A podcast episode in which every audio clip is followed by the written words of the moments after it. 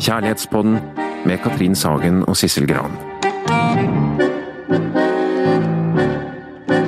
Her sitter Katrin og jeg i studio igjen, og det vi skal gjøre her er å utforske det store temaet kjærlighet.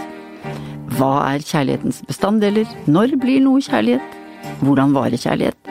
Hvorfor knuses den? Og hva kan man gjøre for å få den til å vare? Og en rekke andre spørsmål. Vi skal egentlig by på alt du trenger å vite om kjærlighet. Ja, det skal vi. Og i dag så skal vi snakke om det å forsvinne fra en relasjon uten forvarsel eller forklaring. Nettopp. Dette som kalles for ghosting, er eh, det vi skal snakke om. Mm. Og som et anslag for dagens episode, så har vi et eh, Jan Erik Vold-dikt som går som dette. Vi ses, sa hun, og ble borte for godt. Det er virkelig godt. Det er virkelig godt. Og dette er jo introen til eh, Ellen Sofie Lauritzens bok 'Snakkes til uka', Ja. som er feltstudie fra en digital datingverden. Så vi plukker litt opp derfra i denne episoden også, ikke sant? Mm. Og den handler jo om har mange temaer i seg. Eh, og et av temaene, som tittelen også på en måte peker på, er dette med ghosting. Mm. Og hva er det? Og hvem er de som ghoster? Hvorfor ghoster folk? Det er jo på en måte en slags dofinte, som man, som man sier. At man sier 'bare gå på do, jeg', og så er man så, gått så er man vekk. Ja. ja, rett og slett. For det, det altså Grunnen til at man bruker dette ghost, altså spøkelsesmetaforen, Ja, fint. ikke sant, det er jo rett og slett fordi du merker at et spøkelse er der. Du ser det ikke, men du hører at det rasler. Og man kan se på Digitale spor. at vedkommende. spor. vedkommende er fortsatt på den uh, dateappen på Tinder eller Happen eller der hvor du var og Mm. Traff vedkommende. Ja. Mm. Men vedkommende kontakter ikke lenger deg og gir ingen forklaring på hvorfor han eller hun bare forsvant. Mm. Og dette gir ganske uhyggefølelse for mange. Mange beskriver at dette er uhyggelig fordi du ikke får vite hva skjedde. Gjorde jeg noe galt? uh, sa jeg noe feil? Eh, du får ingen forklaring. Mm. Og det kan være fryktskapende, rett og slett. Mm. Så det er en slags seig avvisning. -hmm. En avvisning, da tenker jeg jo ofte at man rett og slett får en forklaring. Beklager, vi passer ikke sammen, eller det får jeg ikke til, eller du er ikke for meg, eller hvordan det skulle høres ut. Da har man på en måte en grunn eller et punktum. Ja, selv om det gjør vondt nok. Men det er bedre, fordi da får du Et punktum. Ja, så kan du bli lei deg, du kan Ja. sørge litt over det, men du forstår at dette Dette med bare hekte meg av, for Mm. det blir ikke noe mer. For den andre avvisningen, denne ghostingen, denne ut... Altså denne fading, hva blir det norske ordet igjen? Ja, det er jo Nei, vi har jo ikke noe godt norsk ord, annet enn å feide unna, eller bare Mm. Eh, Ja, vi kaller det i grunnen på norsk det fadeaway. Ja, ikke Ja, sant. Så mm. godt, godt norsk. På godt norsk. Ja, nei, det, det, hvorfor psykologisk sett, vil du si, hva er det som gjør at det er vondere enn en sånn ren avvisning? Det er jo vondere fordi du blir værende i det uvisse. Ja. Eh, og du blir eh, Du er ikke helt sikker på om Hvis du kanskje bare nå anstrenger deg litt, eller gjør et eller annet, så kanskje vedkommende tar kontakt med deg igjen. Ja. Eh, og det er på en måte veien inn til å bli sittende på ventebenken. Nettopp. Å Ja. bli Få sånn fortolkningsfeber. Ja. Man skal lage årsakene til at vedkommende ikke svarer, og tenke at det handler sikkert om å jobbe litt sent i dag, eller ok. Du klarer ikke å lukke døra, altså du Nei. klarer ikke å lukke boka, og du kan ende opp med sånn tankekverning. Veldig mye om hva du gjorde galt, men også om hvis du gjør noe riktig kanskje, så kanskje vedkommende dukker opp igjen. Sånn at du kan risikere eh, kan- forstreke deg helt og komme inn i en slags hektdynamikk. Du kan det. Og det er jo forlengelsen av det begrepet er jo å bli sittende på ventebenken, Ja, altså benching. som det kalles, ikke sant. Men, men la oss mer snakke om, Om dette med Den måten å bli avvist på. bli avvist på. Så psykologisk sett så vil det da si at den på en måte eh, aktiveringen, den følelsesmessige aktiveringen, stressreaksjonen din, er oppe hele tiden. Den får ikke hvile, du får ikke hvile, det er veldig usunt Veldig å være både sånn med eh, hormonnivå og stressnivå er Ja. veldig usunt for oss å gå lenge i. Ja, Det å bli værende i en stressfylt eh, kroppslig og mental og psykologisk tilstand Mm. hvis du blir avvist på den eh, måten der. Mm.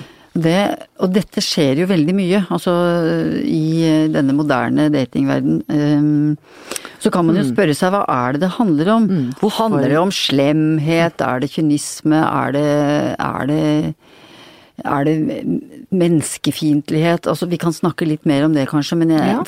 syns at vi også skal si noe om overveldelse. Fordi vi lever jo i en veldig sånn overveldende digital verden. Altså det er ikke De som er eh, inne på en sånn datingapp, de er jo de er jo i den digitale verden også på alle mulige andre måter, ikke sant. Sånn at alle får jo inn i dag en veldig flom av innkommende informasjon, forespørsler, morsomme ting, eh, videosnutter, eh, reklame. Altså det Hva skal vi si, du kan Inntrykkene er så voldsomt mange hele tiden. mange, nettopp. Men det er også helt umulig å svare på, på alt det som eh, treffer oss, ikke sant. Og Mm. jeg tror nok at mye av grunnen til at mange blir, hva skal vi si, litt sloppy og litt tilsynelatende likegyldig med andre mennesker, er at det blir for mye. Det for mye. At man blir overveldet og blir litt andpusten av det. Og Trenger en arbeidsdag for å klare å svare Ja. på alle Ja. henvendelser man Ja. får, rett og slett. Så melder man seg av det. Det liksom går inn Du tenker på inn i også dette prosjektet jeg ønsker å finne meg en kjæreste, mm. og at denne overveldelsen på en måte sprer seg inn også på dette feltet. Jeg tror det. Ja. Det er jo mange som har forsket på det, og som øh, Norske forskere har jo også sett på hva skjer med unge jenter, særlig, for de har jo mobilen limt fast i kroppen sin. Det er jo en del av Det er jo en ekstra kroppsdel. Og mange beskriver jo hvor slitne de er, og hvor dårlig de sover, at de har lite konsentrasjon, at alt er et slit.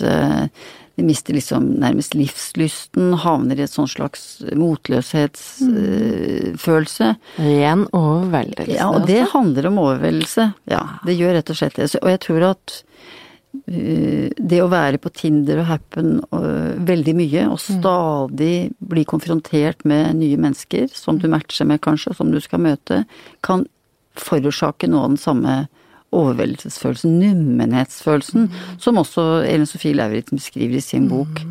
Eh, At i begynnelsen så er det gøy, og det sier pling, og det, sier, det tingler i hodet, og det er gøy. Etter hvert så er det rett og slett bare et ork.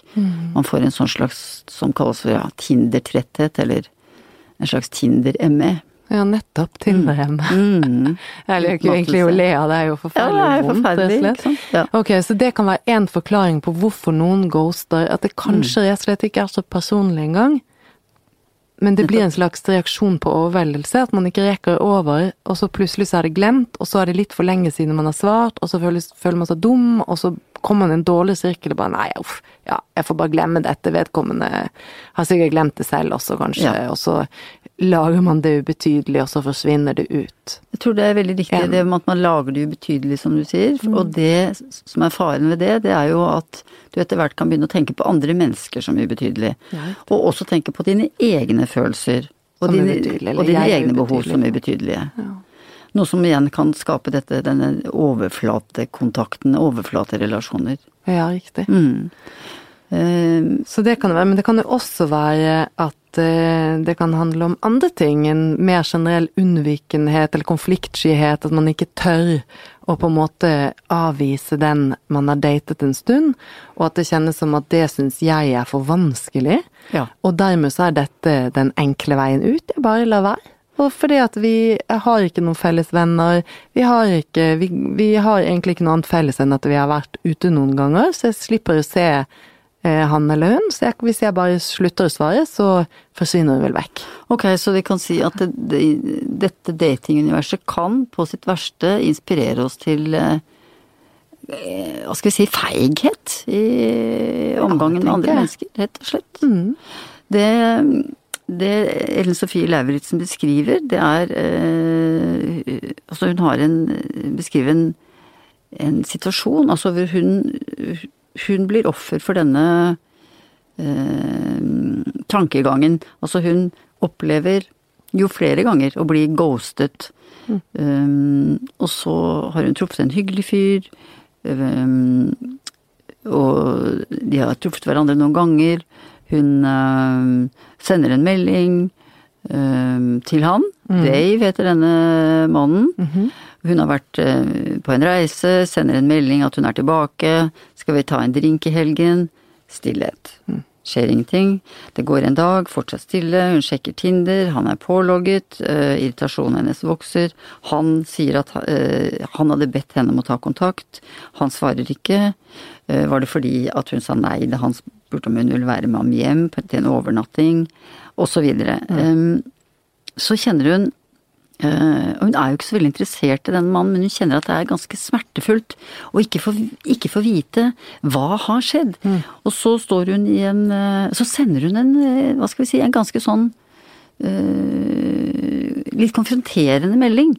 Eh, hun sender følgende Fikk du meldingen min, eller er du bare Hun er i New York på den tiden. Eller er du bare en klassisk flaky New Yorker? Det er jo en ganske tøff melding. Absolutt. Så går det enda et døgn.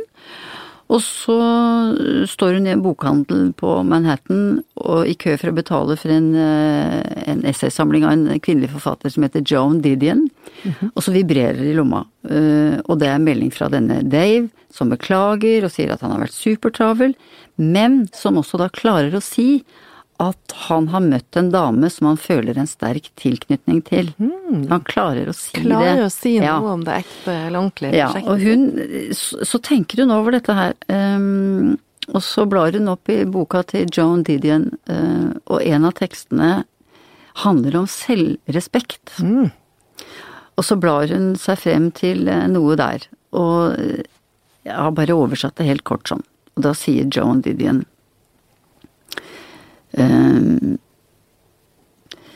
I korthet.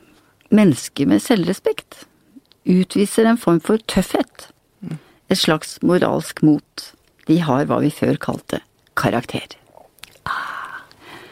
Og det er jo det eh, Ellen Sofie utviser her. Hun sier fra at hun ikke ville bli behandlet på den måten. Rett og slett.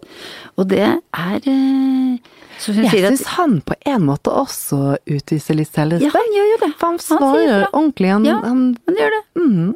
Så det eh, Det er noe med Så Joan Didion har nok rett Ja. når hun sier at hva Det å være villig, sier hun videre, til å akseptere ansvaret for sitt eget liv, det er selvrespektens kilde.